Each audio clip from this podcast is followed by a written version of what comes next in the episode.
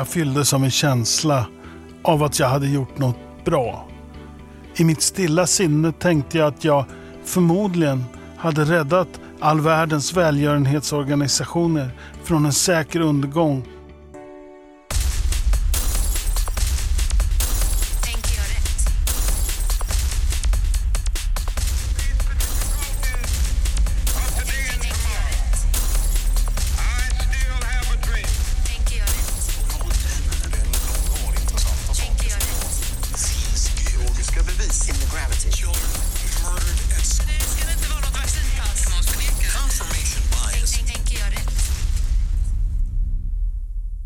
Hej och hjärtligt välkomna till Tänker jag rätt-poddens tredje avsnitt.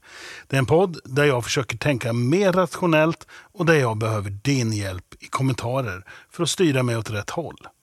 Kommenterar gör man bäst på avsnittet på Youtube eller om man stöttar mig på Patreon. Jag har vid tillfällen, säkert flera tillfällen, delat eh, inlägg på sociala medier lite för snabbt. Utan att eh, kanske verkligen har kollat innehållet eller helt reflekterat över vad det är jag har delat. Det är jobbigt när någon poängterar att det som delats inte riktigt säger det som jag antagit. Jag ser hur andra försöker vrida och vända ut och in på sig själva, eller eh, det är så jag uppfattar det, för att försöka rättfärdiga inlägg som de har gjort. Jag har säkert gjort detsamma. I Facebookflödet, ja ni vet Facebook, det där som eh, ja, tydligen bara var för personer mellan 45 och döden, enligt en bekants dotter. Eh, I Facebookflödet såg jag hur en annan bekant hade delat ett inlägg om chefslöner. Slutcitat. Min initiala tanke var någonting om Åh nej, inte ett svenskt avundsjukinlägg igen. Eller som när kvällstidningarna kör någon Se listan över miljonärer där du bor-grej. Eller något sånt där. Eh, vi försöker trigga reptilhjärnan i människan. Väcka avundsjukan.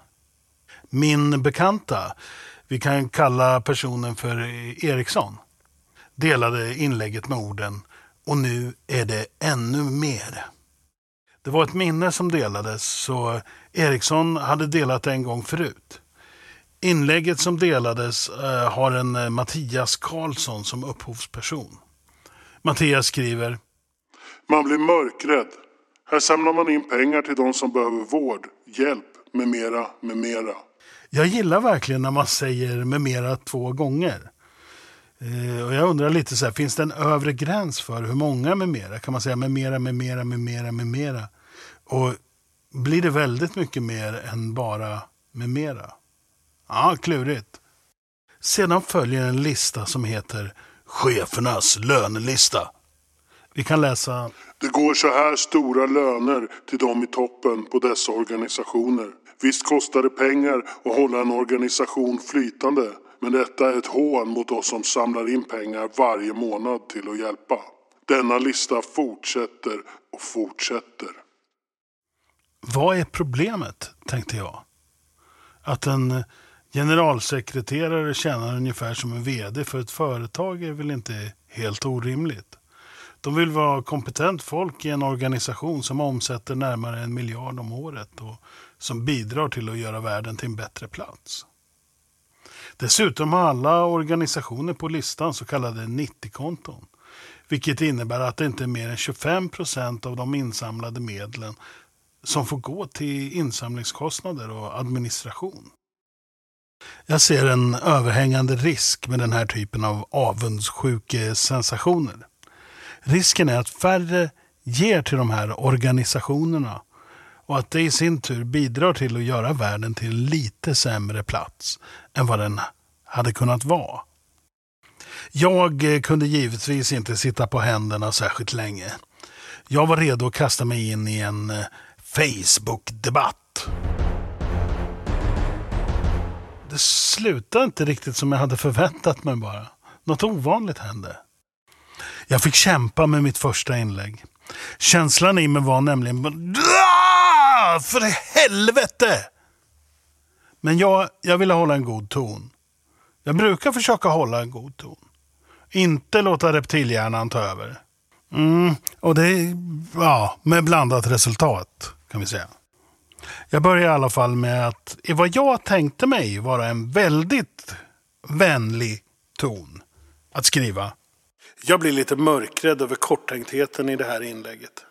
Besvara de här frågorna och fundera över hur smart Karlssons inlägg är. Du kommer att behöva söka upp viss information men det kan vara lärorikt, så slarva inte. Hur mycket samlar de här organisationerna in? Hur stor del av det som samlas in går till ändamålet? Hur mycket skulle de samla in utan en fungerande organisation med kompetent personal? Hur eh, ska de konkurrera om kompetent personal på arbetsmarknaden utan jämförbara löner för cheferna? Bidrar dessa organisationer till att göra världen till en bättre plats? Riskerar dumma inlägg som det här och spridning av dessa att leda till att färre skänker pengar till välgörande ändamål? Och slutligen, verkar Karlssons postning fortfarande vettig? Det kanske är läraren i mig som eh, drar igång där. Men jag låter verkligen... Vem fan skriver sådär? Ja, det var jag i alla fall. Vi fortsätter. Det kanske inte var nödvändigt att använda ord som eh, korttänkthet och hur smart och dumma. Eh, Men på det stora hela tycker jag att jag höll god ton. Jag ser också att jag kör någon slags eh, hemsnickrad sokratisk metod där jag tänker att personen genom att söka svaren på mina frågor själv kan komma till en slutsats. Vad fick jag för svar då? Tycker det är hemskt i alla fall att det ska krävas så höga löner för att vilja hjälpa människor. Jag förstår att det krävs en del jobb, men det är ju inte ofta chefen i sig som gör grovjobbet. Det är alla som är runt cheferna som verkligen får göra jobbet. Hur mycket får de i lön?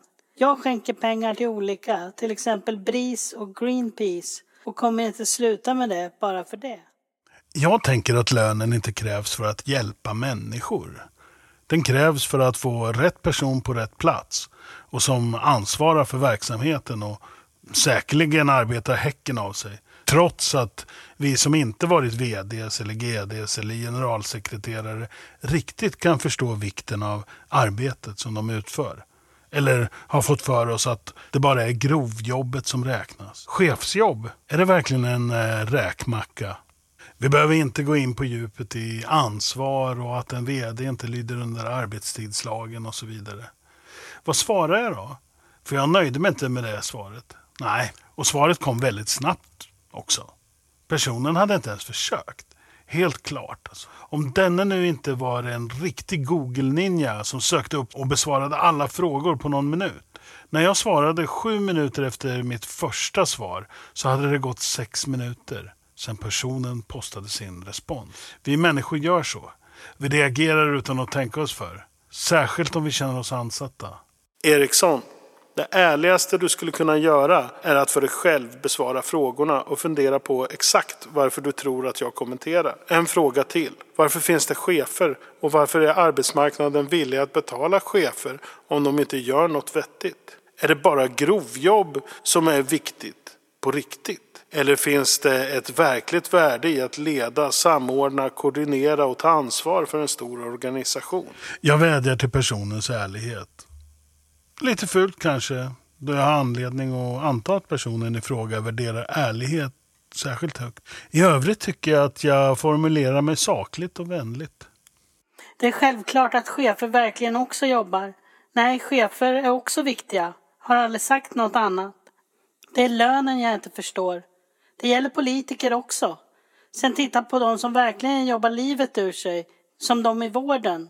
Sen har jag aldrig sagt att det är något fel på välorganiserade välgörenhetsorganisationer och de behövs. Det finns ju sådana som lurar också.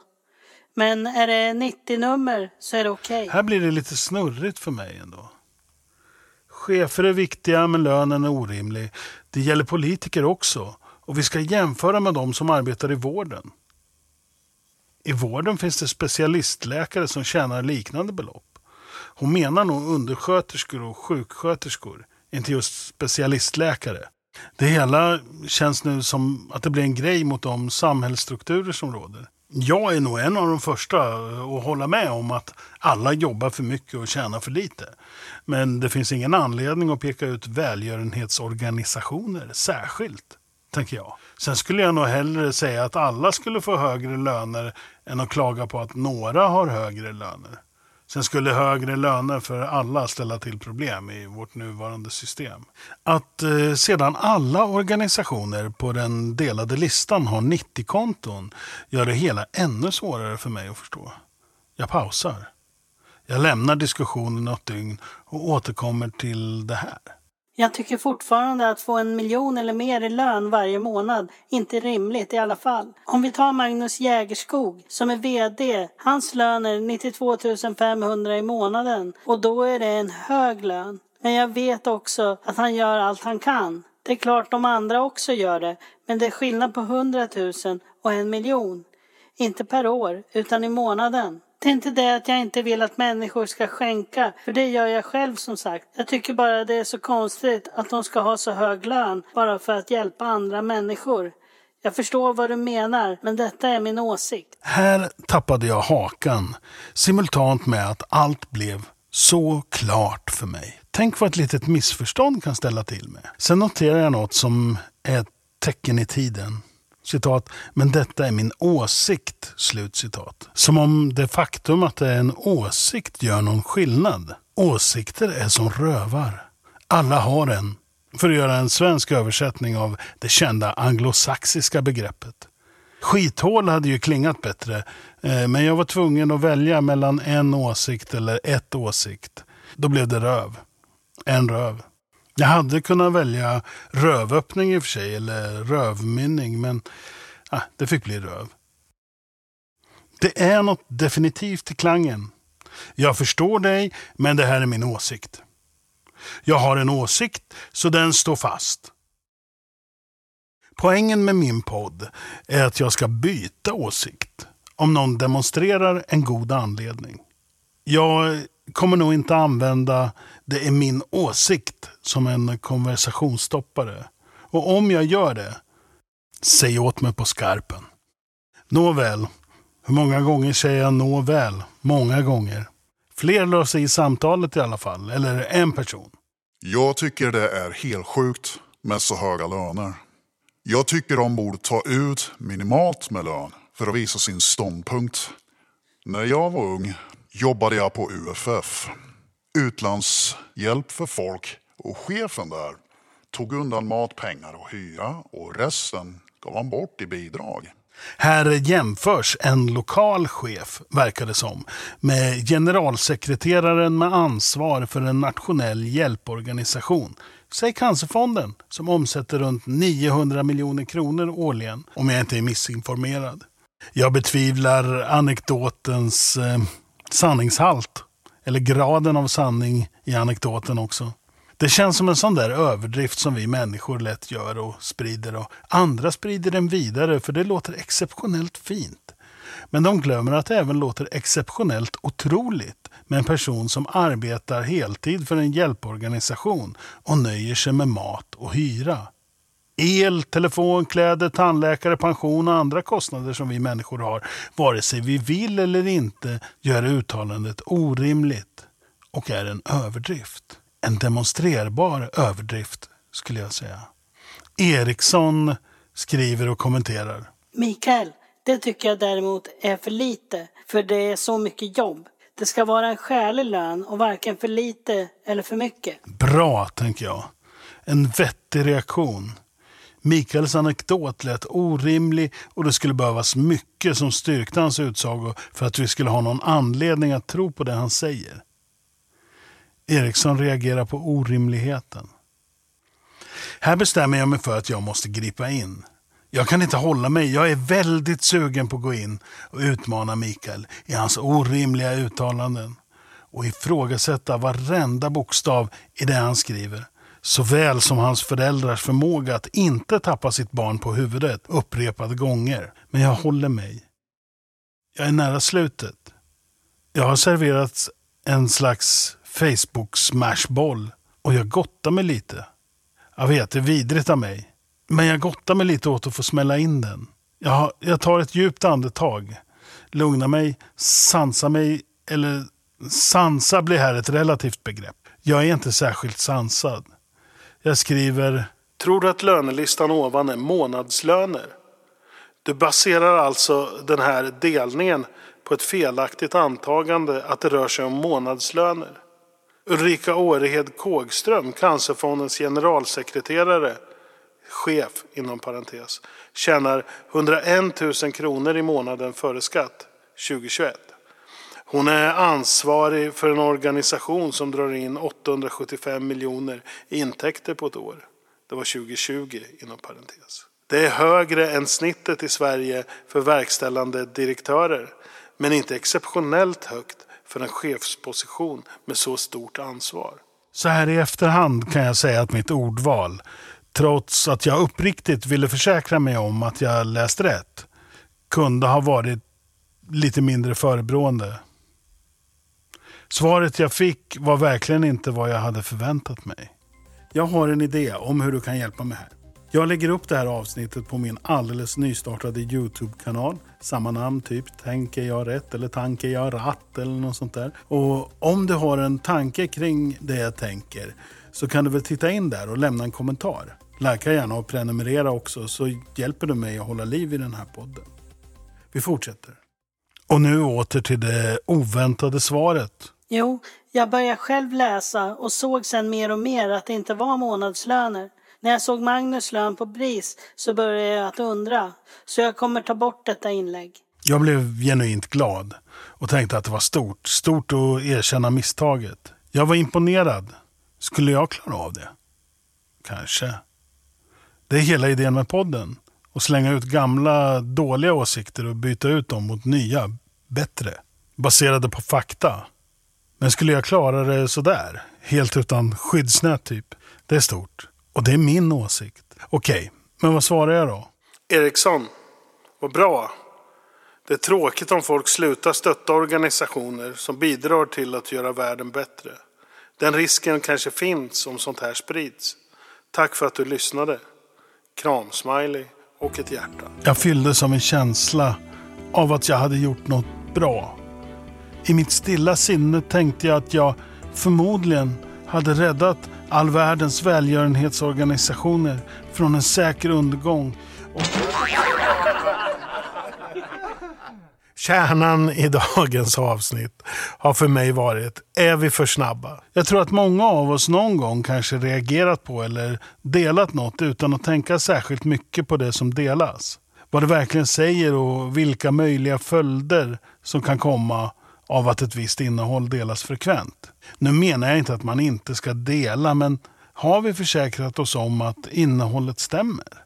Den här är lätt tror jag. Om jag menar att vi ska fundera ett varv till om det vi delat stämmer överens med den objektiva verkligheten, tänker jag rätt då? Den här kanske är lite svårare. Jag har en vän som menar att allt ska få delas. Att det blir censur om sociala medier bestämmer vad som får delas eller inte. Jag tänker att sociala medier är privata aktörer som själva väljer vad som får publiceras inom ramen för deras plattform. På samma sätt som en tidning som tar in annonser, debattartiklar, insändare och artiklar från frilansjournalister har rätten att bestämma vad som ska finnas på deras plattform, så menar jag att sociala medier har samma rätt. Jag tänker att censur utövas av en stat mot dess medborgare. Att staten förhindrar personer att uttrycka sig. Demonstrationsrätten, yttrandefriheten, religionsfriheten och så vidare. Det går att lägga upp en egen hemsida. Att skapa sig sin egen plattform. Jag förstår att det är lättare att nå ut om man använder en etablerad plattform med många användare. Men det är det som är grejen. Det är inte du som har skapat den plattformen och gjort den till vad den är. Det är någon annan. Och de har rätt att bestämma vad som publiceras där. Precis som du har om du skapar din egen plattform. Tänker jag rätt? Tänker jag rätt? Jag tänker och tycker att Ericsson var ett föredöme för oss alla. Ericsson tog eh, ansvar för sitt misstag och rättade till det. Ändrade sig. Det är synnerligen coolt. Jag tycker det var coolt och det var stort. Och jag hoppas att jag kan göra det om detsamma händer mig. Men det kommer inte ske med de här avsnitten i podden. Där kommer vi kunna följa hur jag kanske blir lite klokare och lite smartare vartefter. Vem vet, om hundra avsnitt så kanske jag tycker de här avsnitten att jag har jättefel. Då får vi adressera det. Super, ha det fint.